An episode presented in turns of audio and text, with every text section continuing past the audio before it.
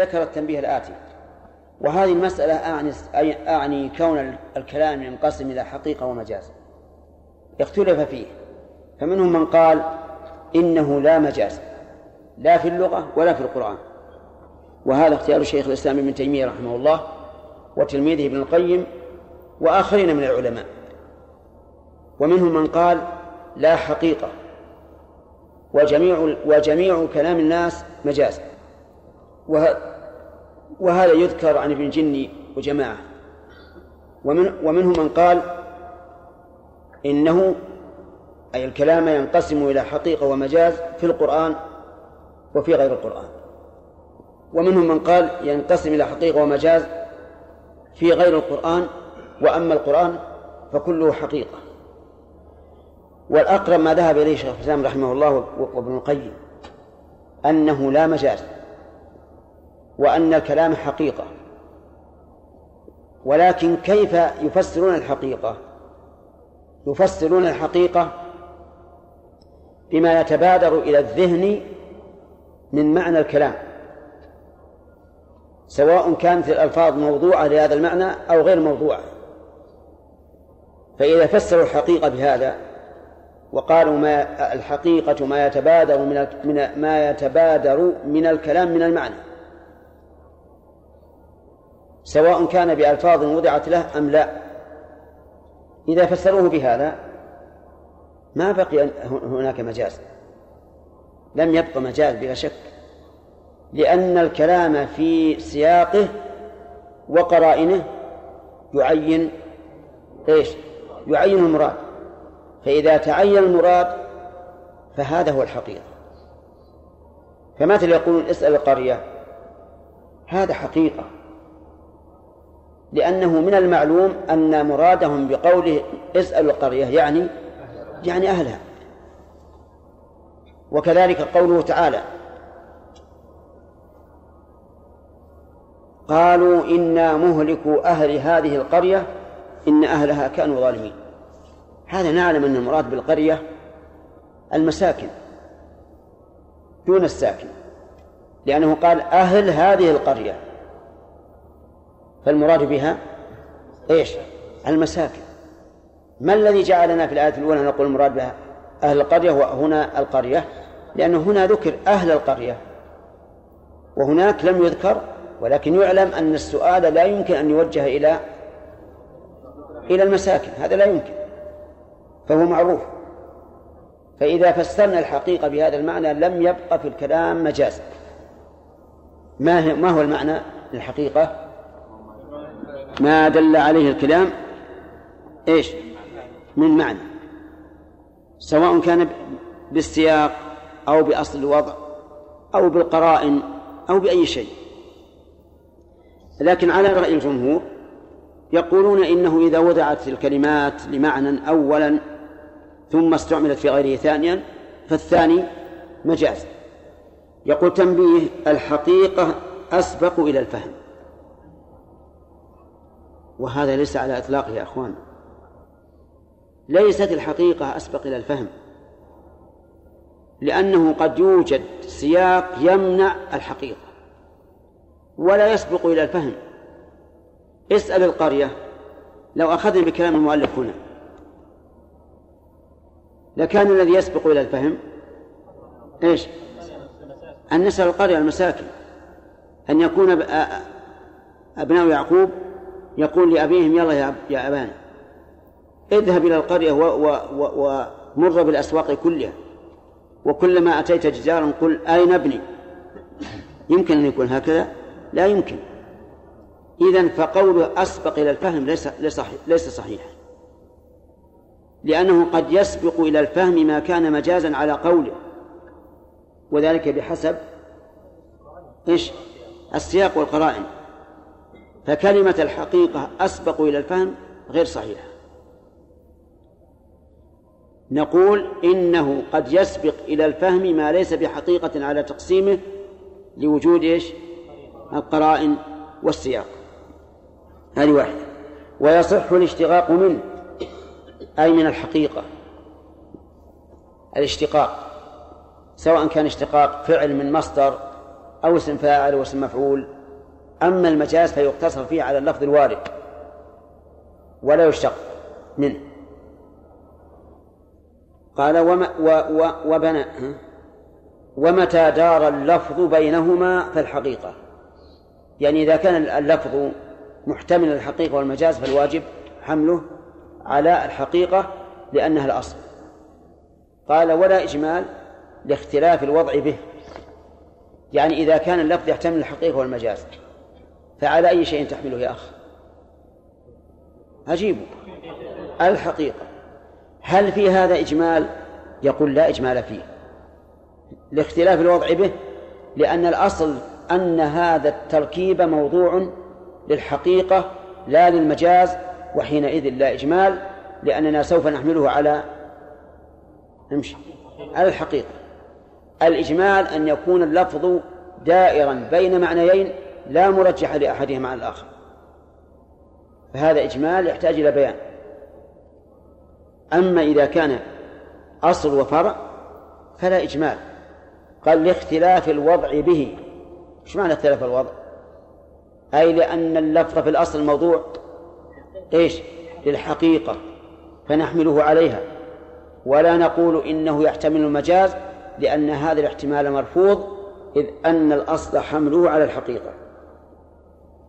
ثم قال فإن دل يعني الكلام على معنى واحد من غير احتمال لغيره فهو النص وأصله الظهور والارتفاع.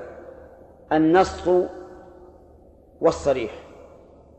معناهما هو اللفظ الدال على معنى واحد لا يحتمل غيره. يسمى هذا نص. أنتم معي؟ طيب. قال وأصله يعني أصل هذا هذا المعنى الظهور والارتفاع. أصل النص الظهور والارتفاع فإذا قلنا إن هذا الكلام نص في كذا فلأنه ظاهر فيه. إذ أنه مشتق من الظهور والارتفاع ومنه منصة العروس. يا عبد الله بن عوض. نعم. ومن هذه مفهومة عندك. ومنه منصة العروس. يعني الكرسي الذي أو السرير الذي تأتي إليه عند النساء. هذا جامع بين الارتفاع وإيش؟ والظهور. ولذلك نقول اللفظ الذي لا يحتمل إلا معنى واحدا نسميه نصا. دائما يمر عليكم في الكتب وهو نص في الموضوع. نص يعني صريح لا يحتمل غيره. طيب. قال وقد يطلق على الظاهر يعني قد يطلق النص على الظاهر وهو المعنى السابق من اللفظ مع تجويز غيره. آه، اعلم أن اللفظ يدل على معناه على الوجوه التالية. الوجه الأول أن يدل على معنى لا يحتمل غيره. ماذا نسميه؟ وإيش؟ وصريحا. الثاني أن يدل على معنيين أحدهما أظهر. فدلالته على الأظهر يسمى الظاهر. أن يدل على معنيين لا مرجح لأحدهما على الآخر. يسمى مجملا. يسمى مجملا لأنه ما بين. فإذا دل على معنى لا يحتمله غيره فهو النص والصريح. وقد يطلق وقد يطلق على الظاهر يعني قد يطلق النص على الظاهر وهذا يستعمل كثيرا عند الفقهاء. فيقول لك مثلا وقد دل النص على تحريم هذا ثم يأتي بالدليل وإذا بالدليل يحتمل معنيين لكنه في المعنى الذي استدل به المؤلف من أجله ظاهر. فهنا أطلق النص على إيش؟ على الظاهر. يقول وهو وهو أي الظاهر المعنى السابق من اللفظ مع تجويز غيره. نعم. وهذا يقع كثيرا. وهو سبب الاختلاف بين الأمة. أن يكون اللفظ دالا على معنيين فيكون عند بعض العلماء أظهر في هذا المعنى في هذا المعنى وعند بعض العلماء أظهر في هذا المعنى. ولكن اعلم أن الظهور يكون ظهورا بنفس اللفظ بمعنى أن اللفظ يستعمل في هذا المعنى أكثر من غيره ويكون ظهورا باعتبار قرائن مصاحبة أو باعتبار قرائن منفصلة. يعني قد يكون اللفظ هذا محتمل لمعنيين وهو بحد ذاته لا لا لا يترجح أحدهما على الآخر لكن هناك أدلة تدل على ترجيح أحد المعنيين. حينئذ يكون ظاهرا بغيره ولا بنفسه؟ يكون ظاهرا بغيره. قال وأكثر ما يستعمل بين الفقهاء في هذا المعنى. ما هو المعنى؟ الظاهر. يعني أن الفقهاء يستعملون كلمة النص ويريدون بها الظاهر لأنهم يريدون بالنص الدليل. تسمعون دائما يقول دل عليه النص والقياس. وش معنى النص؟ الدليل ولو كان ظاهرا. دائما يقول هو نص في هذا الموضوع وقد لا يكون نصا صريحا بل هو ظاهر. قال فإن عرض الغير فإن عرض الغير دليل بغلبة كقرينة أو ظاهر أو ظاهر أو ظاهر آخر أو قياس راجح سمي تأويلا. فإن عدد الغير يريد بالغير غير المعنى الظاهر وهو قال بالأول وهو المعنى السابق من اللفظ مع تجويز غيره. فإن عضد الغير ما هو الغير؟ هو المعنى المخالف للظاهر. هذا الغير انتبه. يعني علق عليها لأن لابد أن نعلق عليها حتى لا حتى لا يختفي المعنى. فإن عضد الغير أي غير غير المعنى الظاهر. إن عضده دليل بغلبة يعني دليل يغلب الظاهر كقرينة. نعم. يغلبه. فإن عضد الغير دليل ها؟ أي لكن المهم ما هي بغلبة. إيه؟ نعم. في قاف وواو وسين وواو وشين بغلبة. بغلبة والأصل؟ طيب. إذن أخذ نسختين. فإن عضد الغير دليل يغلبه أي يجعله غالبا كقرينة أو ظاهر آخر أو قياس راجح سمي تأويلا. يعني قد يصرف اللفظ عن ظاهره ويسمى صرفه عن ظاهره إيش؟ تأويلا مثال ذلك قال الله تبارك وتعالى فإذا قرأت القرآن فاستعذ بالله من الشيطان الرجيم لو أخذنا بالظاهر لكان دالا على أن الإنسان إذا فرغ من القراءة استعاذ أو أنه إذا شرع في القراءة استعاذ فهمتم؟ لماذا؟ لأنه يقول إذا قرأت فلو أخذنا بالظاهر لقلنا معناه إذا فرغت من القراءة أو إذا شرعت في القراءة فاستعذ ومتى تشرع الاستعاذة؟ قبل القراءة إذا أراد فهنا نحمل قرأت على أردت أن تقرأ الدليل الدليل أن النبي صلى الله عليه وسلم كان يستعيذ قبل أن إيش؟ قبل أن يقرأ. فهذا يسمى إيش؟ تأويلا. يسمى تأويلا. لأننا صرفنا اللفظ عن ظاهره. طيب. قال الله تعالى أتى أمر الله فلا تستعجلوه. أتى أمر الله. لو نظرنا إلى مجرد أتى أمر الله لكانت الآية تذكر شيئا مستقبلا ولا ماضيا. انتبهوا. أتى أمر الله. ها؟ تحدث عن الماضي. طيب لكن هذا غير مراد. لقوله فلا تستعجلوا وهذه قرينة واضحة على أن أتى بمعنى سيأتي. سيأتي. لكنه عبر عن الشيء المحقق بلفظ الماضي تحقيقا لوقوعه وأنه سوف سوف يقع. المهم أننا إذا صرفنا اللفظ عن ظاهره لدليل يغلب غير الظاهر سمي ذلك تأويلا لكن لاحظ أن التأويل بهذا المعنى حادث لم يكن على عهد الصحابة ولا على عهد التابعين وإنما يسمى التأويل عندهم التفسير. يسمى التفسير. أو بمعنى العاقبة. لا يمكن أن يطلق على صرف اللفظ عن ظاهره. والذين أحدثوا هذا المعنى حصل لهم مزالق هاوية والعياذ بالله. لكن التأويل الذي جاء في الكتاب والسنة وكلام السلف يدور على معنيين إما التفسير وإما المآل والعاقبة. أقرأ عليكم قول الله عز وجل فإن تنازعتم في شيء فردوه إلى الله والرسول. إن كنتم تؤمنون بالله واليوم الآخر ذلك خير وأحسن. تأويلا.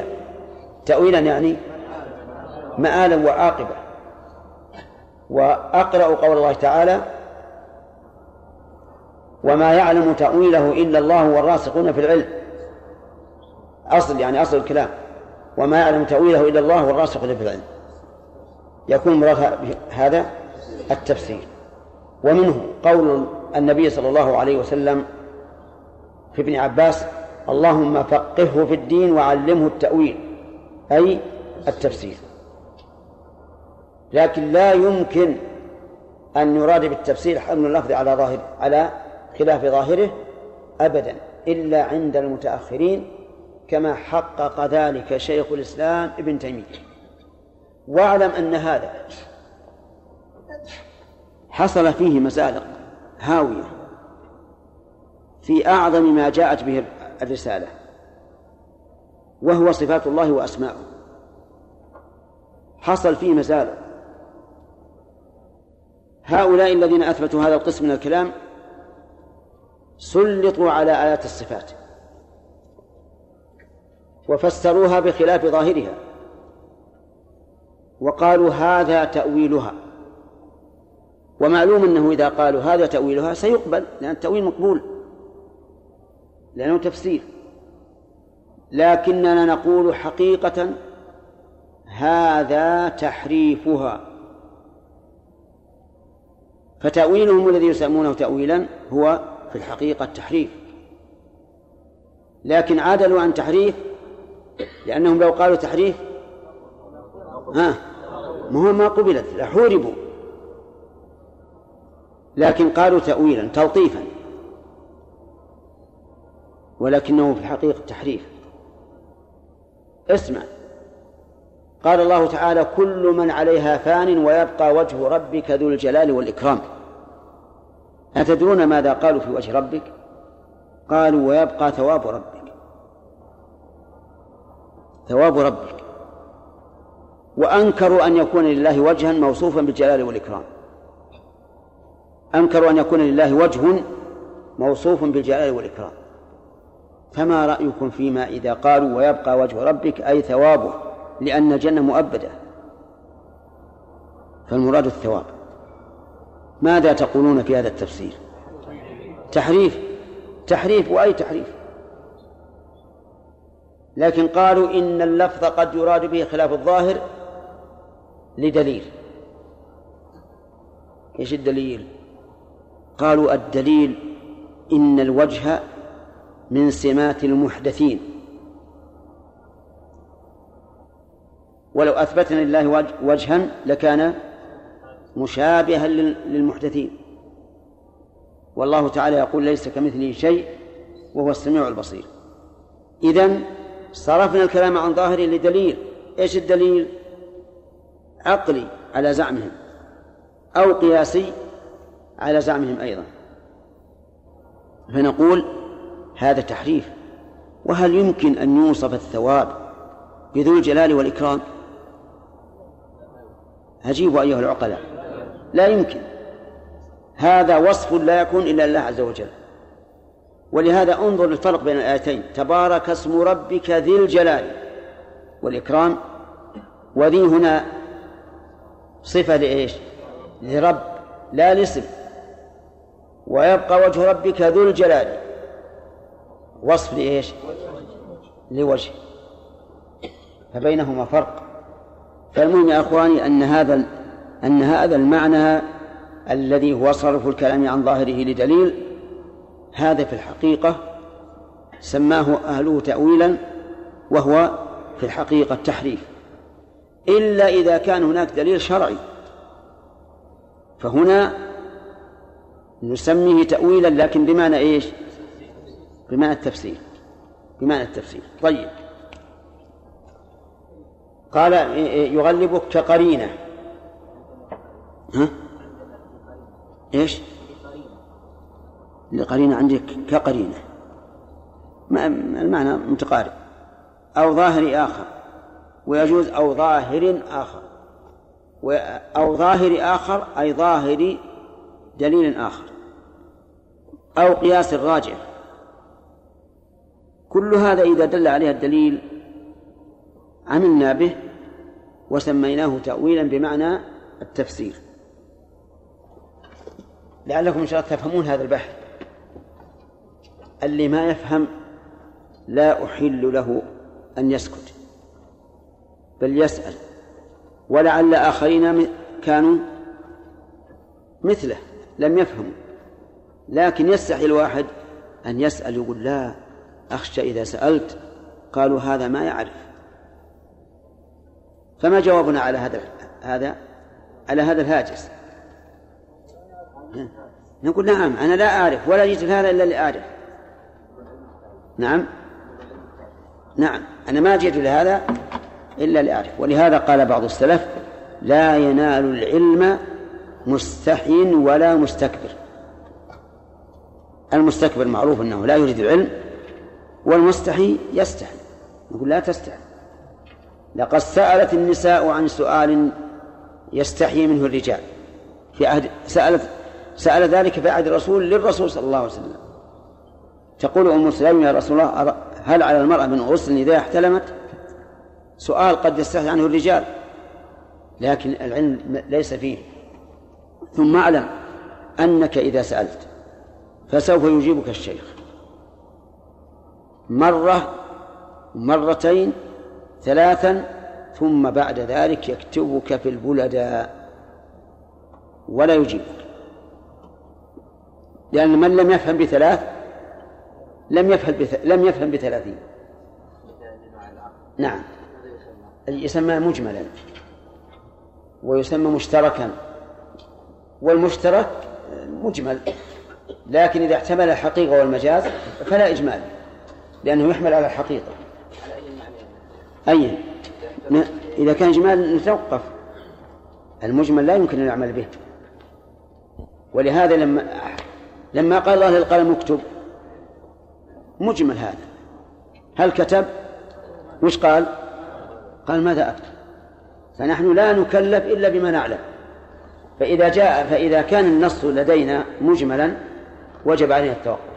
لكن ذكرت لكم بالأمس أو أو قبل أمس أنه لا يمكن أن يوجد في القرآن والسنة لفظ لا يعلم معناه جميع الناس. تذكرون هذا ولا لا؟ طيب. الحقيقة هي ما تبادر إلى الذهن لولا القرينة لولا القرينة يعني بمعنى أي لكن كلام المؤلف أسبق إلى الفهم كنا هذا غلط.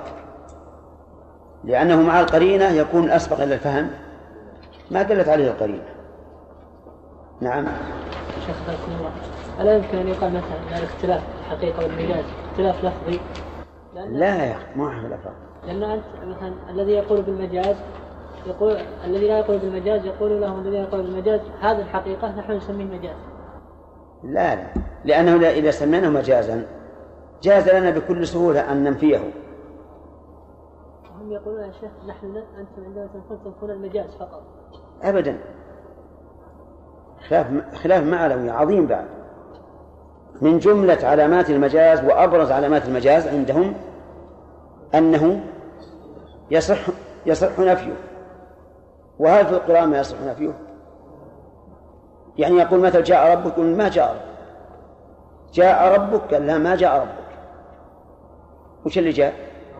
أمره. عظيم هذا. يبقى وجه ربك لا ما لله وجه هكذا يقولون. لكن إنكارهم إنكار تأويل. ولو كان إنكارهم إنكار تكذيب لكف لكفروا. لا يا اللي يقول إن هذا اختلاف لفظي ما فهم المعنى.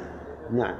يقول ما ما نقول المجاز الا بقرينه ما يكون بيننا وبين لفظي. كيف؟ يقول ما نقول المجاز الا بقرينه لا لا لا ابدا. وش وش القرينة؟ جاء ربك ما في دليل. ما في دليل الامر لا هم هم يقولون هذا مجاز. ما لهم دليل. نثبت المجاز. يقول الدليل عندهم أن الرب عز وجل ليس جسما يأتي. مثلا. فالخلاف ما في شك انه إنه لا معنوي لو كان لفظي ما ما كان ابن القيم وابن تيمية رحمه الله يؤكدون الأدلة الكثيرة يسوقونها لابطال المجاز لكن يقول هذا لفظي واسترحنا نعم إيش؟ ها؟ الحلف بالصفات الخبريه الحلف بالدعاء الحلف والدعاء بإيش؟ ها؟ الصفات الخبرية التي تطلق على الله يجوز مثل الوجه. وأما الشيء الذي لا يطلق على الله كاليد فلا يجوز أن تسأل, أن تسأل اليد. يعني لا يجوز أن تقول يا يد الله اغفريني الحلف ما يجوز. إلا بما يطلق على الذات كالوجه. ينظر يحتاج إلى دليل في غاية القوة لدفعه. قد يقرب فيكفي أدنى دليل. قد يتوسط فيجب المتوسط. فإن دل على أحد معنيين أو أكثر لا بعينه وتساوت ولا قرينة فمجمل. وقد حده قوم بما لا يفهم منه معنى عند الإطلاق فيكون في المشترك.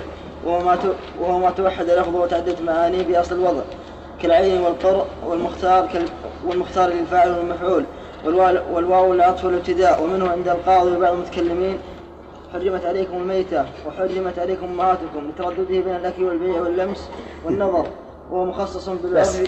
بسم الله الرحمن الرحيم. الحمد لله رب العالمين. الواقع البحوث هذه بحوث لفظية لكنها لو لو لو خلينا منها لكنا أعلم. يعني هذه البحوث لا تزيد الإنسان إلا جهلا. لكنها ابتلينا بها لا بد أن نتكلم عليها. يقول رحمه الله وقد يكون في الظاهر قرائن تدفع الاحتم... يدفع الاحتمال مجموعها دون آحادها الآن نحن قلنا الظاهر ما احتمل معنيين أحدهما أرجح. يعني إذا كان اللفظ يحتمل معنيين وأحدهما أرجح سمي في الراجح ظاهرا يقول قد يكون في الظاهر قرائن. يدفع الاحتمال مجموعها دون أحادها فإذا كانت هذه القرائن تدفع الاحتمال صار الظاهر نصا. صار الظاهر نصا لا بذاته ولكن بغيره. يعني مثلا يوجد لفظ ظاهره كذا وكذا ويحتمل غير هذا الظاهر. إذا وجد قرائن تمنع هذا الاحتمال صار الظاهر الآن إيش؟ نصا. لأنه لأن عندنا قرائن تمنع الاحتمال. فيكون نصا لكن هل يكون نصا بذاته أو بغيره؟ يكون نصا بغيره. نعم. يقول والاحتمال يعني احتمال غير الظاهر قد يبعد فيحتاج إلى دليل في غاية القوة لدفعه. يعني الاحتمال قد يكون بعيدا. يحتاج إلى دليل في غاية القوة لدفعه. يعني لأجل أن يقبل هذا الاحتمال.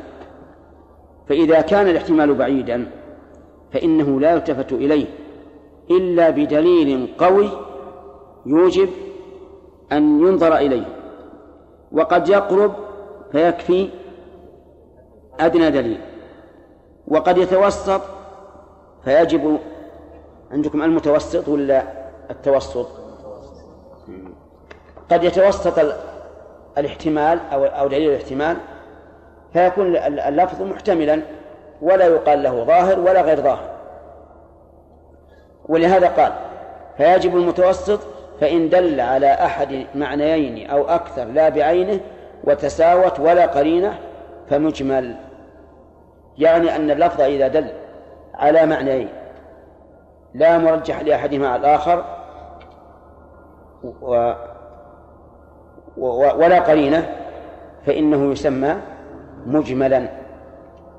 وسيذكر مثلا أقيموا الصلاة. أقيموا الصلاة على أي وجه؟ ما هو ما هو ليس مبينا. يسمى هذا مجملا لأنه احتاج إلى بيان. وقد حده قوم بما لا يفهم منه معنى عند الإطلاق. يعني بعض العلماء قال إن المجمل هو الذي لا يفهم منه معنى عند الإطلاق بل بد من من قيد أو قرينة أو أو شيء أو شيء يبينه. قال فيكون في المشترك أن يكون المجمل حينئذ في عداد المشترك. المشترك هو ما توحد لفظه وتعددت معانيه بأصل الوقت. فيه ألفاظ تسمى مشتركة وهي التي تدل على معنيين فأكثر على السواء. هذه نسميها مشترك لأن اللفظ صار مشتركا بين المعنيين كالأرض تكون مشتركة بين مالكين. مثاله العين. العين لفظ مشترك بين العين الباصرة والعين المنقودة والعين المورودة. العين الباصرة واضح معروف. العين المنقودة الذهب يسمى عينا. ومنه قول الشاعر أنا الدان أم نعتان. والعين المورودة الماء. عين الماء؟ يقول فلان في نخله عين يعني ماء ماء يفور كلمة عين الآن مشترك بين العين الباصرة والعين المنقودة والعين الموردة ما الذي يعين المعنى؟ السياق. وقرينة الحال. القر مشترك بين إيش؟ بين الحيض والطهر. فقوله تبارك وتعالى والمطلقات يتربصن بأنفسهن ثلاثة قروء هل المعنى ثلاث حيض أو ثلاثة أطهار؟ في خلاف. من العلماء من قال ثلاثة أطهار ومنهم من قال ثلاث حيض بناء على أن القرأ يطلق على على الحيض والطهر إطلاقا مشتركا. والمختار للفاعل والمفعول. كلمة مختار هل هي اسم فاعل أو اسم مفعول؟ نعم. ما ندري مشترك. يعينها المعنى. لأنك إذا أردت أن تجعلها اسم فاعل ووزنتها قلت إن وزنها مفتعل. وإذا أردت اسم مفعول ووزنتها تقول وزنها إيش؟ مفتعل. طيب. آه خيرتني بين أصناف من الأطعمة. فقلت هذا. تقول يقول القائل هذا مختار فلان. هذا الطعام مختار فلان. مختار هنا اسم فاعل ولا اسم مفعول؟ ها؟ اسم فاعل؟ اسم مفعول. لأن الطعام نفسه مو بيختار اللي يختار الآكل. فما وزنه الصرفي؟ مفتعل. مفتعل. طيب. وتقول فلان مختار لطلب العلم. هذا اسم فاعل ولا اسم مفعول؟ اسم فاعل. وميزانه الصرفي مختير مفتعل. أي مختير. فقول المؤلف مختار يعني مراده اللفظ. يعني مراده هذا اللفظ. صالح للفاعل والمفعول. كذلك أيضا الواو. تصلح للعطف والابتداء. صحيح؟ نعم.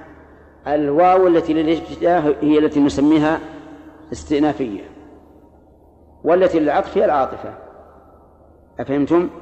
فإذا الواو إذا جاءت في سياق هل تجعلها عاطفة أو تجعلها ابتدائية؟ حسب السياق هل تجعلها عاطفة أو حالية؟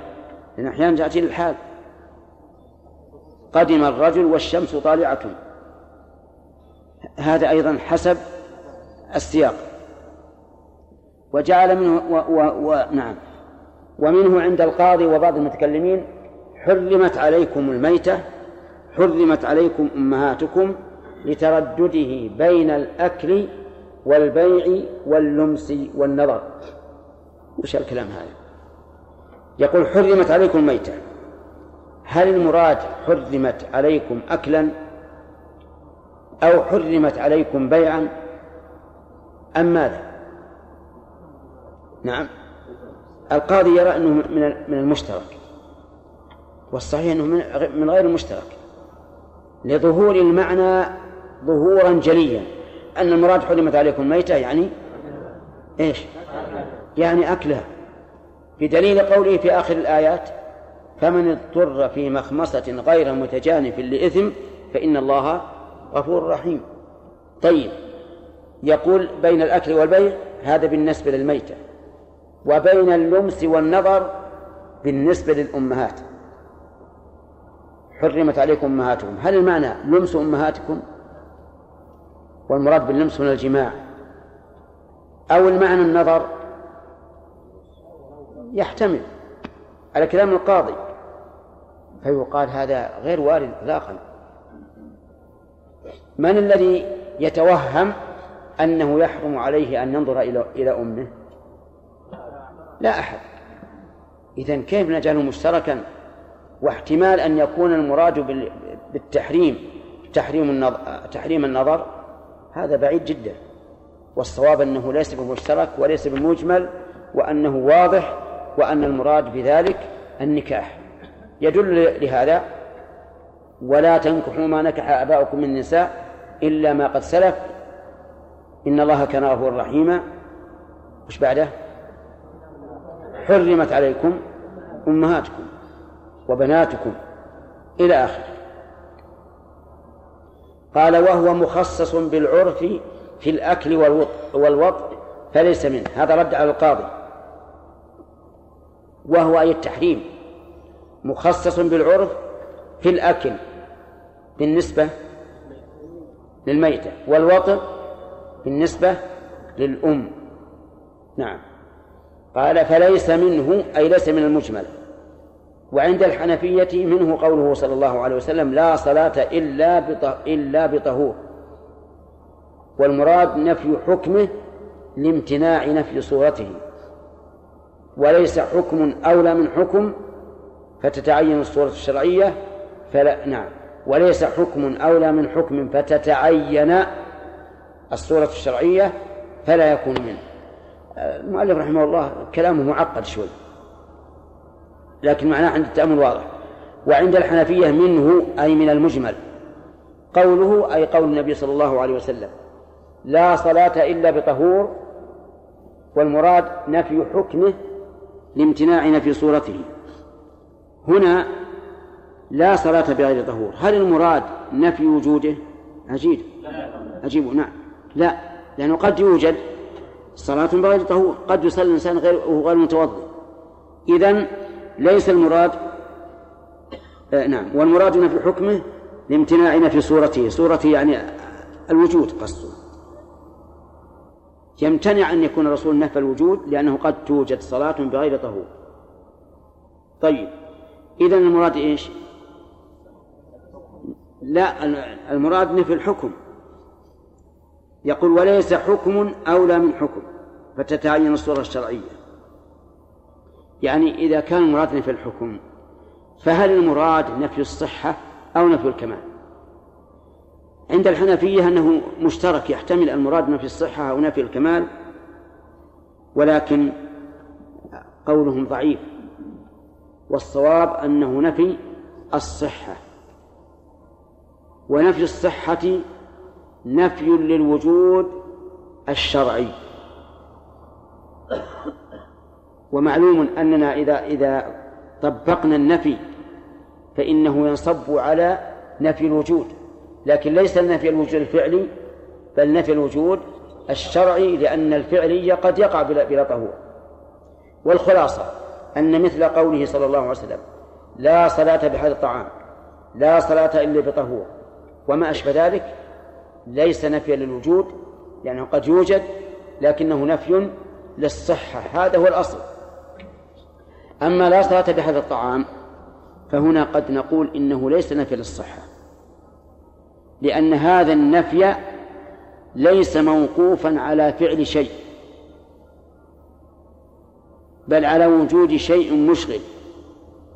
أرجو الانتباه يا جماعة لأن هذه مشكلة. نحن قلنا لا صلاة بغير طهور نفي للصحة. لا صلاة بهذا الطعام نفي للكمال. ما الذي يدرينا والصيغة واحدة؟ نقول لأن قوله لا صلاة إلا بطهور نفي لإيجاد ش... لفقد شيء واجب وهو الطهور فيكون نفي للصحة. لكن لا صلاة بها الطعام نفي لوجود مشغل لا لا لانتفاء شيء مطلوب لوجود مشغل. وإذا كان كذلك صار نفيا للكمال لأن الأكمل في حق المصلي أن يصلي فارغ الذهن إلا من صلاته.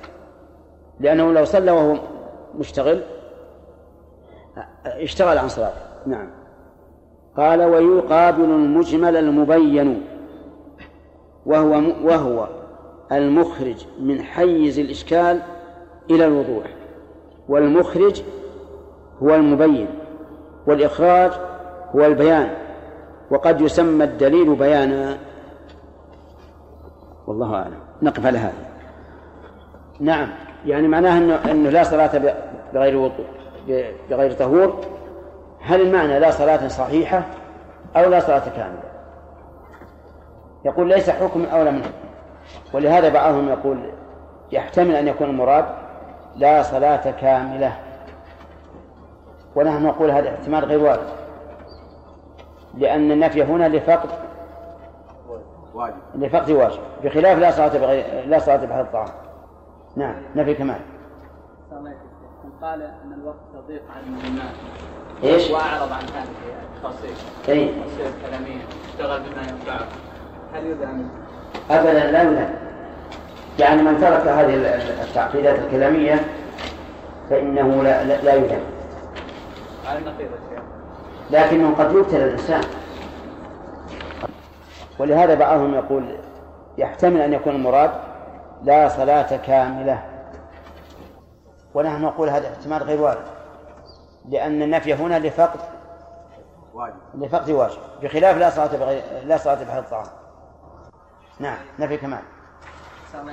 من قال أن الوقت تضيق على المهمات إيش؟ وأعرض عن هذه التخصيص اي التخصيص الكلاميه اشتغل بما ينفعه. هل يذم؟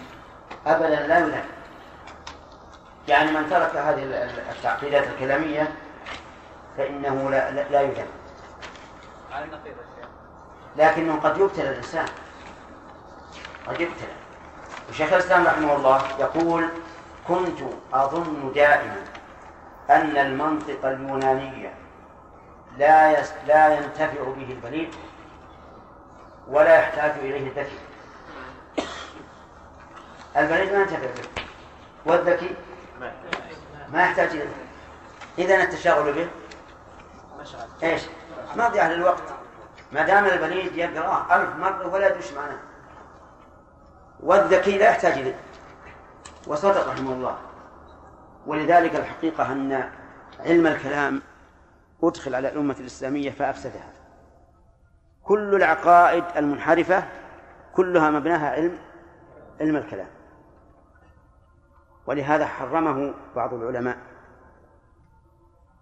كما قال صاحب الخلاصة فابن الصلاح والنواوي حرما. يعني حرم علم الكلام. وقال لا يجوز للإنسان أن يشتغل به. وقال قوم ينبغي أن يعلم.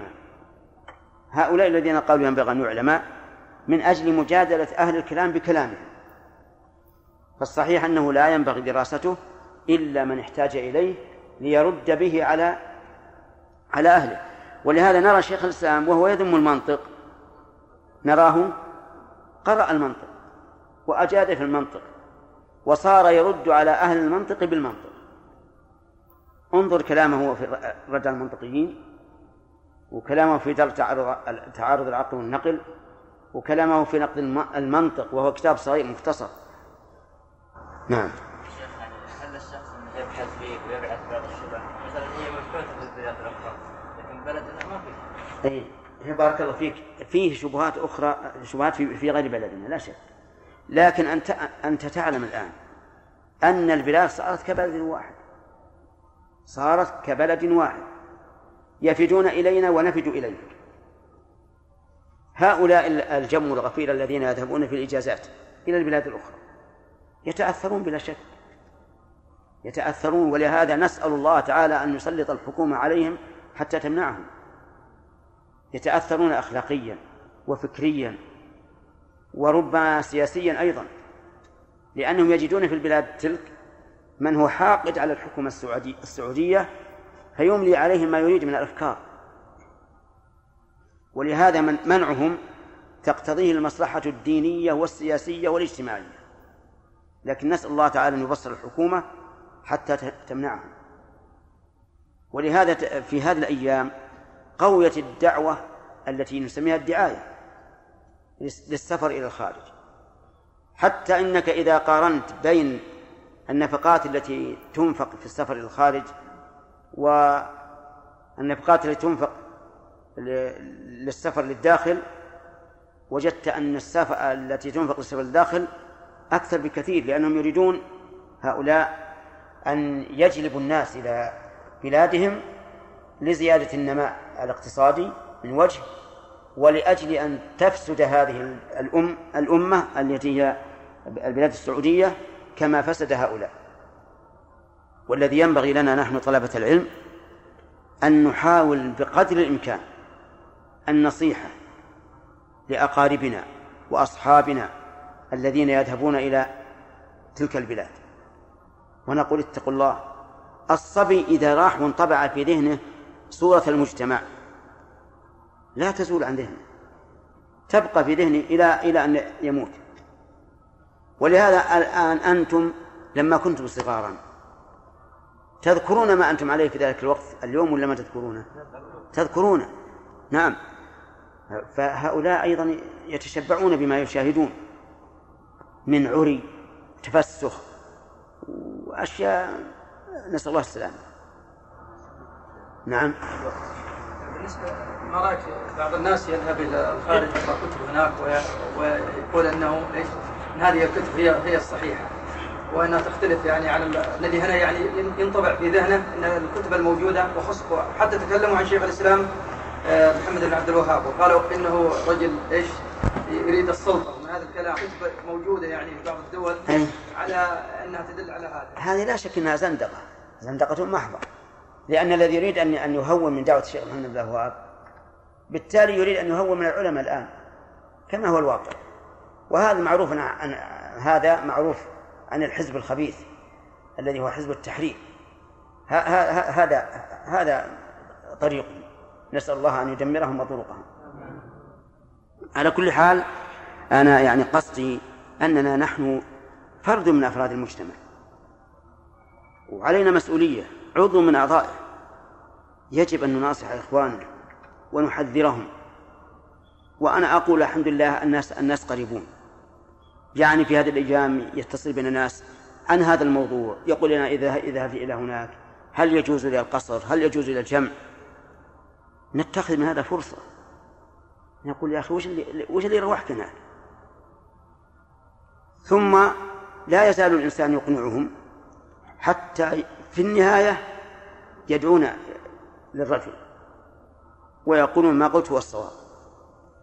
استغلال مثل هذه الفرص مهم.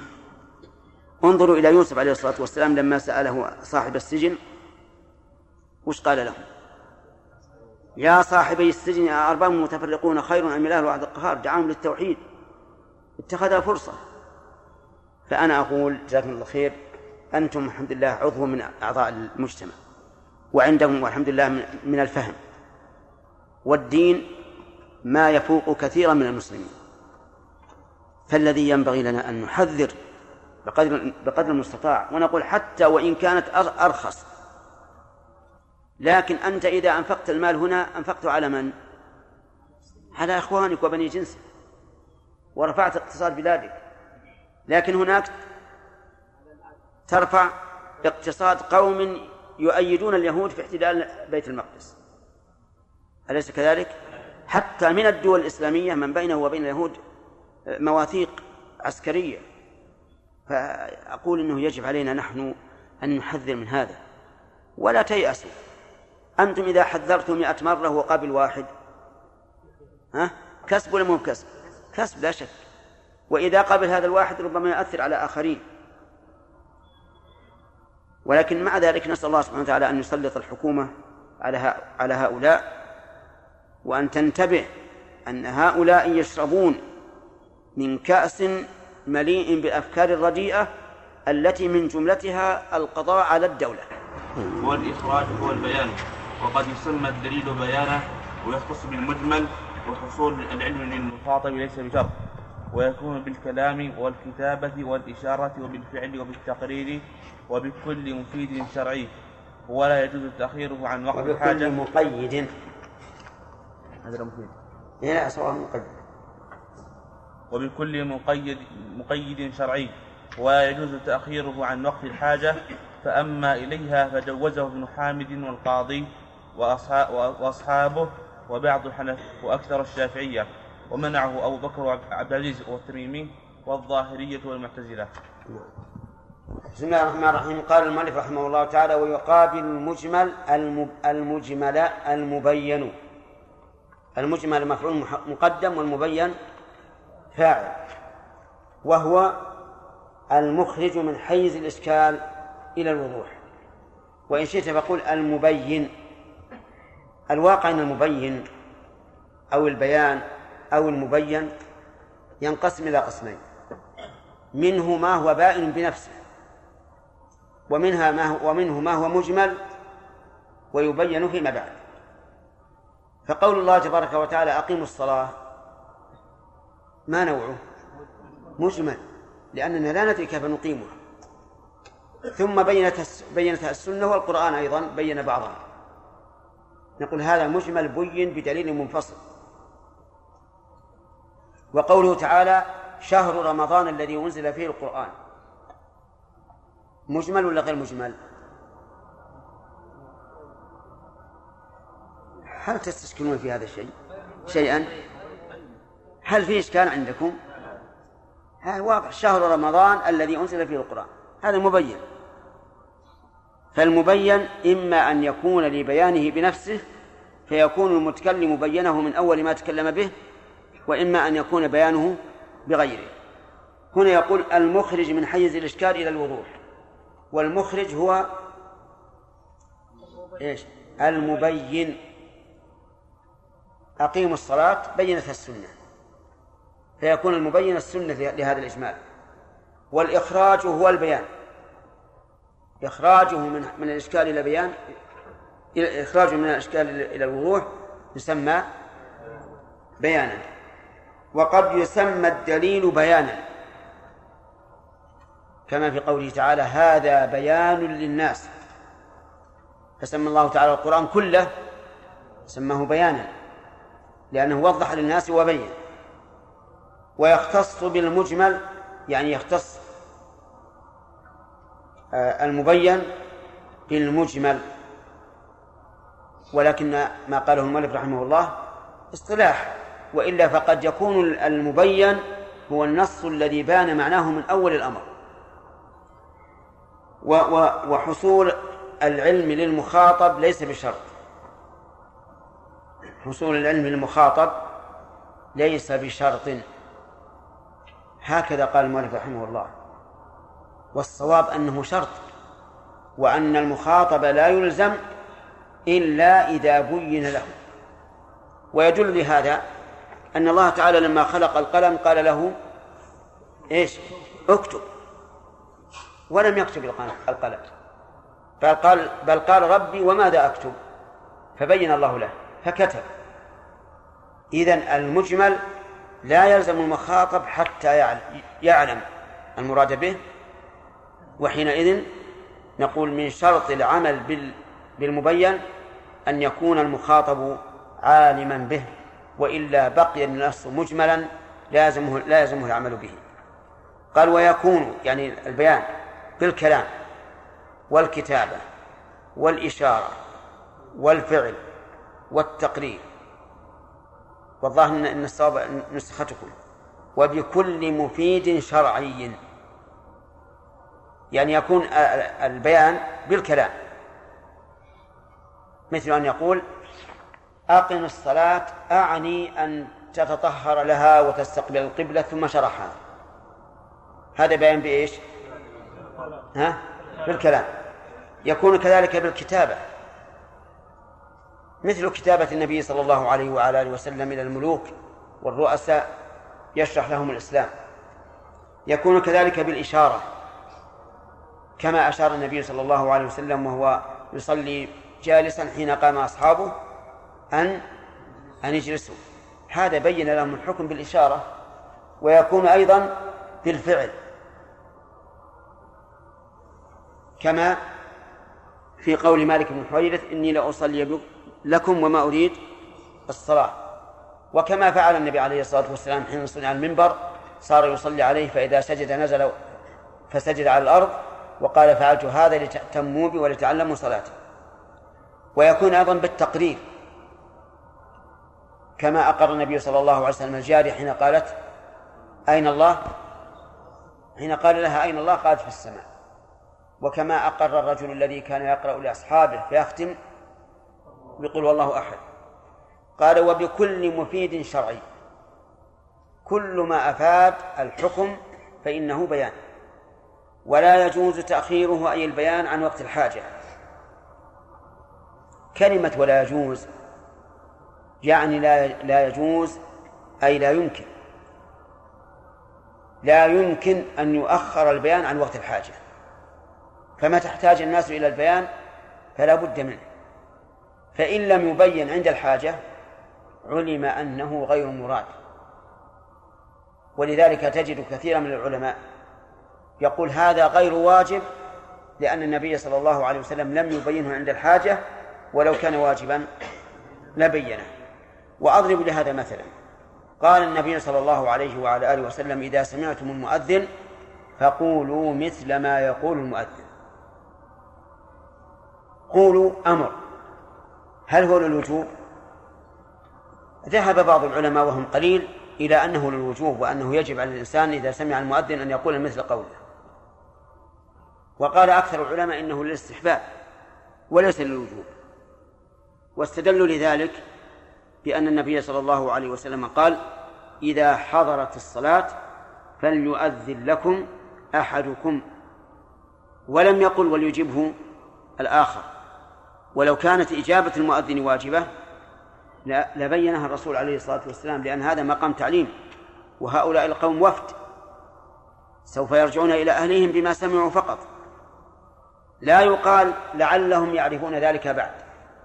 نقول الأصل عدم ذلك وأيضا هم هم وفد يرجعون إلى الرسول عند وداعه إياهم. قال إذا حضرت الصلاة فليؤذن لكم أحدكم. فدل هذا على أن الأمر في قوله فقولوا مثل ما يقول ليس واجبا ولكنه على سبيل الاستعفاف نعم. هذا مثال مما يدل على أنه الشيء لو كان واجبا لبينه الرسول عليه الصلاة والسلام في حينه. قال فأما إليها. يعني فأما تأخيره إلى الحاجة فجوزه ابن حامد والقاضي وأصحابه وبعض الحنفية وأكثر الشافعية ومنعه أبو بكر عبد العزيز والتميمي والظاهري والمعتزلة. هذا في الحقيقة بالنسبة للرسول عليه الصلاة والسلام لا ينبغي أن يكون الخلاف فيه وأنه يجوز أن يؤخر إلى وقت الحاجة. لكن بالنسبة للعالم إذا أمر شخصا أن يصلي على وجه معين وترك بعض الواجبات والصلاة لم يحن وقتها بعد. فهل يجوز لهذا الذي علمه أن يؤخر ذكر بقية الواجبات إلى دخول الوقت؟ لأن الحاجة ما بعد لم تحصل الآن. أو نقول لابد أن يبين لأنه لا يدري أيصادف هذا الرجل بعد دخول الوقت أو لا يصادفه. أين؟ الأول أو الثاني؟ الأول. الأول. لماذا؟ لأنك لا تدري أتصادف هذا الرجل عند دخول الوقت أو لا. أنت الآن أخبرت بأن الصلاة واجبة وأن التكبيرات الحرام واجبة وأن القراءة واجبة لكن لم تخبره بالركوع والسجود. قلت لأن الوقت لم يحن بعد إذا دخل الوقت أخبرته. نقول هذا لا يجوز. أخبره الآن لأنك لا تدري هل تصادفه مرة أخرى أو لا. نعم. ثم قال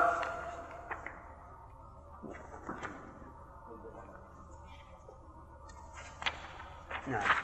ثم قال فإن دل على مفهوماتها أكثر أكثر من واحد فعام. كذا عندكم؟ فإن دل على مفهوماتها أكثر من أكثر من واحد مطلقا فعام. طيب. يعني مرة الآن يفسر المؤلف العام. يفسره بما يخفيه. والعادة أن التفسير إيضاح وبيان إن دل على مفهوماتها أكثر من واحد مطلقا فعام إن كانت العبارة السليمة فليس فيها بيان. والظاهر أنها فيها تحريفا. ولعل المعنى لا المعنى إن دل اللفظ على مفهوم بمفهومه على أكثر من واحد مطلقا فعام وقد حده قوم بأنه اللفظ المستغرق لما يصلح له. وهذا هو الحد الواضح. العام هو اللفظ المستغرق لما يصلح له. انتبه. كل لفظ عام لجميع أفراده. الصالحة له فهو فهو عام. هذا تعريفه الواضح يعني المتناول لجميع أفراده. وعلامة ذلك صيغ العموم. صيغ العموم التي سيأتي بيانها إن شاء الله. وقد دل على أن العام يتناول جميع أفراده قد دل على ذلك السنة. قال النبي صلى الله عليه وسلم حين علم أمته التشهد قال إنكم إذا قلتم ذلك يعني عباد الله الصالحين فقد سلمتم على كل عبد صالح في السماء والأرض. وهذا يدل دلالة واضحة على أن العموم يتناول جميع أفراده. الآن لو قلت لك أكرم الطلبة أكرم الطلبة أعطهم شرح العقيدة الوسطية. فهل تعطي جميعهم بمقتضى هذا اللفظ؟ نعم. طيب أعطيت جميعهم فقلت لك ليش أعطيت فلان؟ لماذا أعطيت فلان؟ ماذا يقول لي؟ يقول لأن اللفظ عام ولم تستثني. اللفظ عام ولم تستثني. حجته واضحة؟ نعم واضحة. إذن العام يتناول جميع أفراده إلا بدليل. إذا دل الدليل على على خلافه وجب أن نعمل به. طيب قوله تبارك وتعالى والمطلقات يتربصن بأنفسهن ثلاثة قروء عام لكل مطلقة؟ ظاهر نعم ظاهر العموم. كل مطلقة تتربص ثلاثة قروء. لكن اقرأ قول الله تعالى يا أيها الذين آمنوا إذا نكحتم المؤمنات ثم طلقتموهن من قبل أن تمسوهن فما لكم عليهن من عدة تعتدونها إذا خرج من ذلك إيش؟ من طلقت قبل الدخول. طيب اقرأ قول الله تعالى واللائي يئسن من المحيض من نسائكم إن ارتبتم فعدتهن ثلاثة أشهر واللائي لم يحض خرج من ذلك الآيسة والصغيرة وإلا فالأصل أن العام شامل لجميع أفراده. قال وهو من وهو من عوارض الألفاظ فهو حقيقة فيها مجاز في غيرها. هذا من كلام المتكلمين. كلام في كلام. هل العموم من أوص... من عوارض يعني من أوصاف الألفاظ أو من أوصاف المعاني؟ بعضهم قال من عوارض الألفاظ وصفاتها وبعضهم قال من عوارض المعاني وصفاتها. وما الذي يترتب؟ يترتب على ذلك المناقشة. والمجادلة التي ليس فيها إلا المراء وليس فيها إلا الخيبة نحن نحن متفقون على أن قول الله تبارك وتعالى وأرسلناك للناس رسولا إن الناس عام ولا خاص؟ عام هل إنه عام بالمعنى أو باللفظ؟ إيش الفائدة؟ إذا قلنا عم باللفظ لا بد أن يعم بالمعنى لأن اللفظ قالب المعنى كالثوب على الجسد. الثوب على الجسد يكون بقدر بقدر الجسد. جسد كالبعير اجعل له ثوب كالبعير كجلد البعير نعم. جسد صغير اجعل له ثوبا صغيرا. فنحن نقول سواء قلتم إنها من عوارض الألفاظ أو من غيرها فالمعنى لا يختلف. المعنى لا يختلف وليس فيه إلا الجدل. قال فهو حقيقة فيها مجاز في غيرها يعني إذا قلنا أنه من عوارض الألفاظ صار العموم في اللفظ حقيقة وفي المعنى مجاز. سبحان الله العظيم. اللفظ والمعنى بقدر واحد. ثم إن الحقيقة والمجاز عرفتم أن في إثباتها نظرا. طيب. قال وأصله أي العام الاستيعاب والاتساع. وألفاظه أي العموم خمسة. الاسم المحلى بالألف واللام. الاسم المحلى بالألف واللام. مثل إن الإنسان لفي خسر. الرجال قوامون على النساء. أيضا المضاف إلى معرفة. المضاف إلى معرفة يكون للعموم. كعبد زيد. إذا قلت أكرم عبد زيد وكان لزيد عشرة أعبد من تكرم؟ الجميع. نعم. وإن تعدوا نعمة الله لا تحصوها. أي النعم؟ كل النعم لا تحصوها. وقول المضاف إلى معرفة احترازا من المضاف إلى نكرة.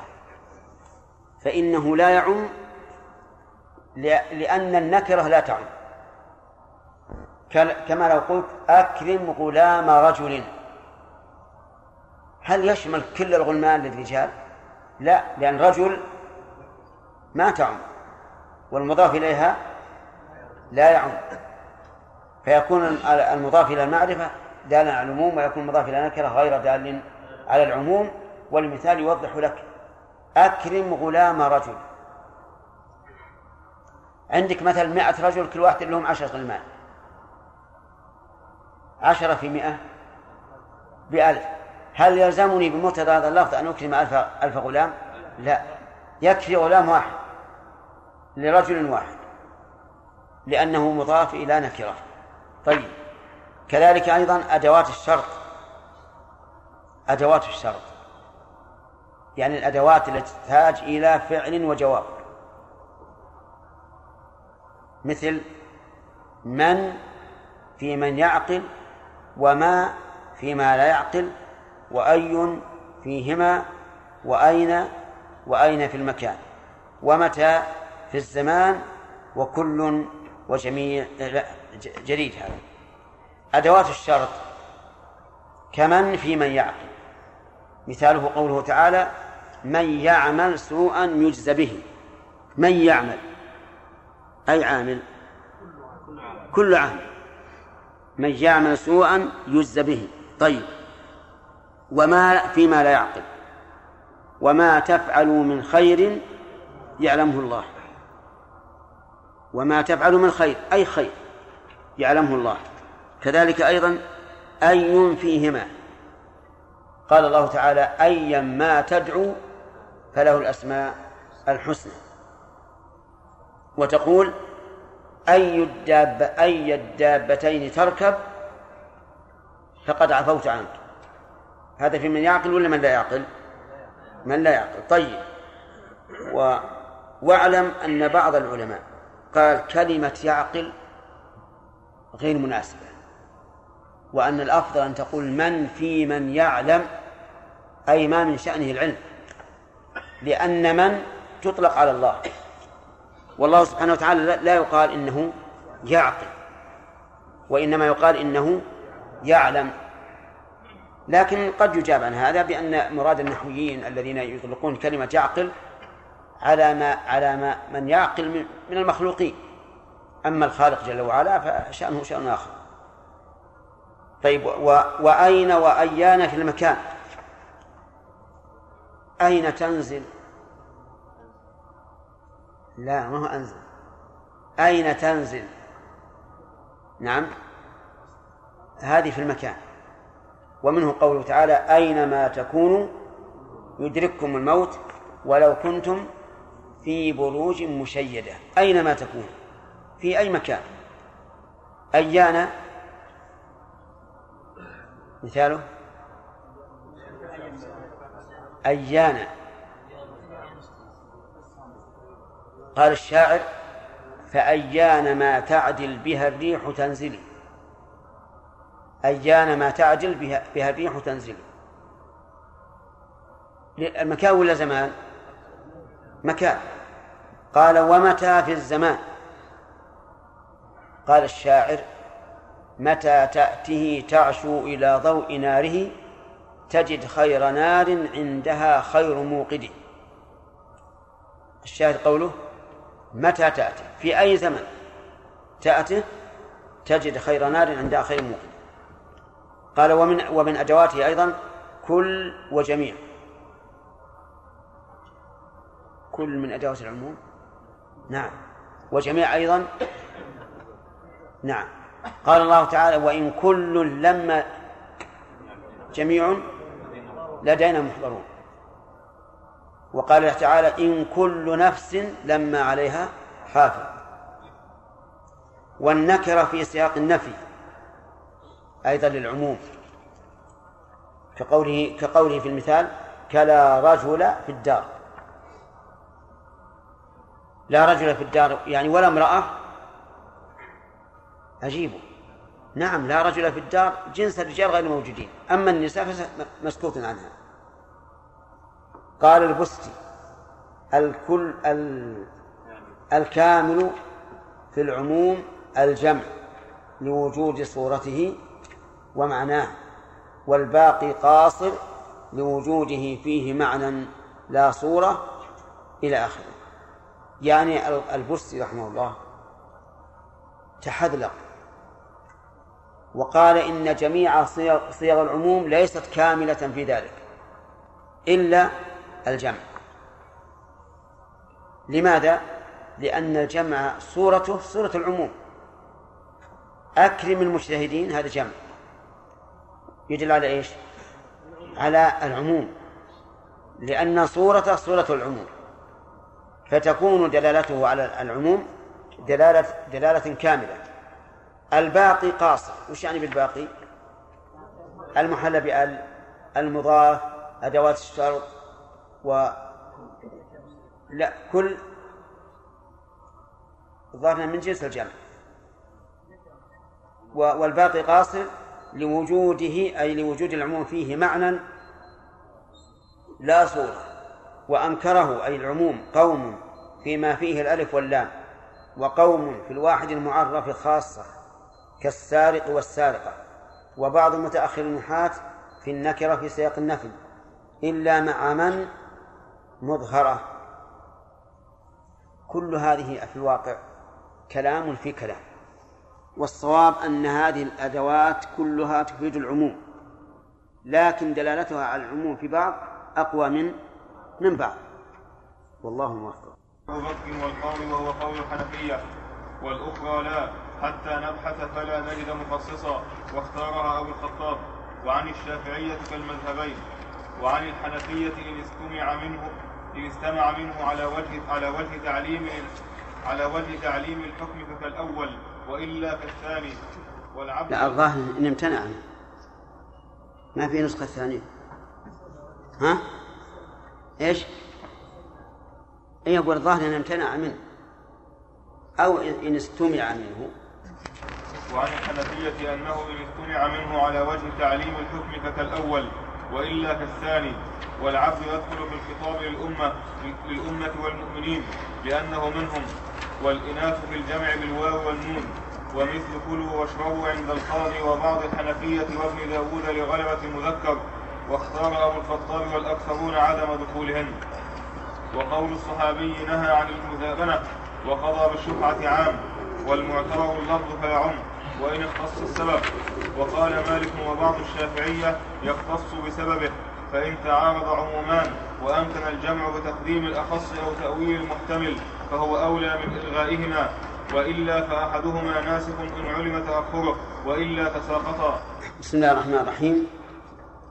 الواقع أن هذا الكتاب كما تعلمون وكما علمتم من قبل يذكر الخلافات التي لا زمام لها وهذا يوجب تشوش فكر الطالب.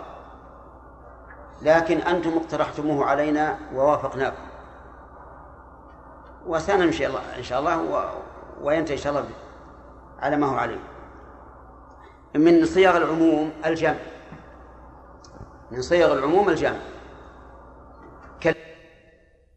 مثلا مثل قوله تعالى وعباد الرحمن الذين يمشون على الأرض هونا وحكى أصحاب مالك وابن داود وبعض وبعض النحاة والشافعية اثنان.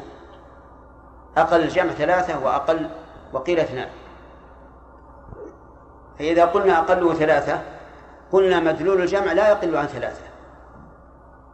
فإذا قلت أكرم الرجال فأكرمت ثلاثة فقد امتثلت.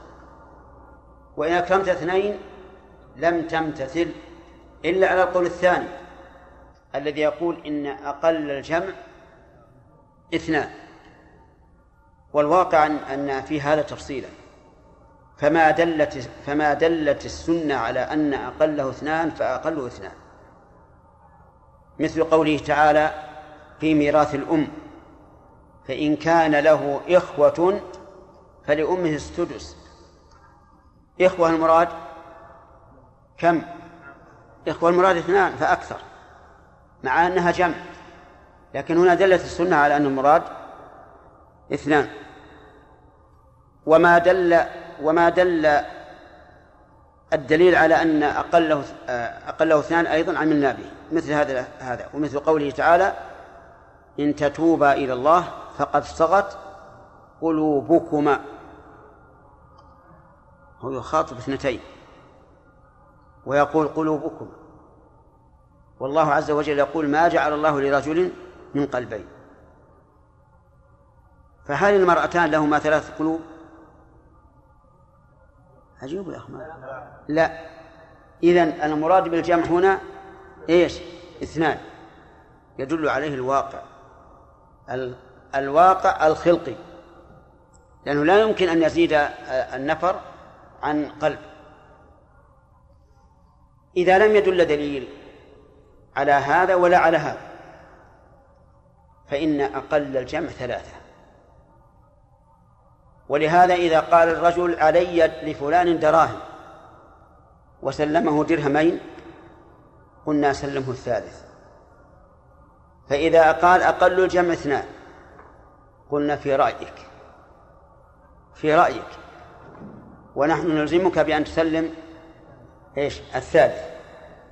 قال والمخاطب يدخل في عموم خطابه.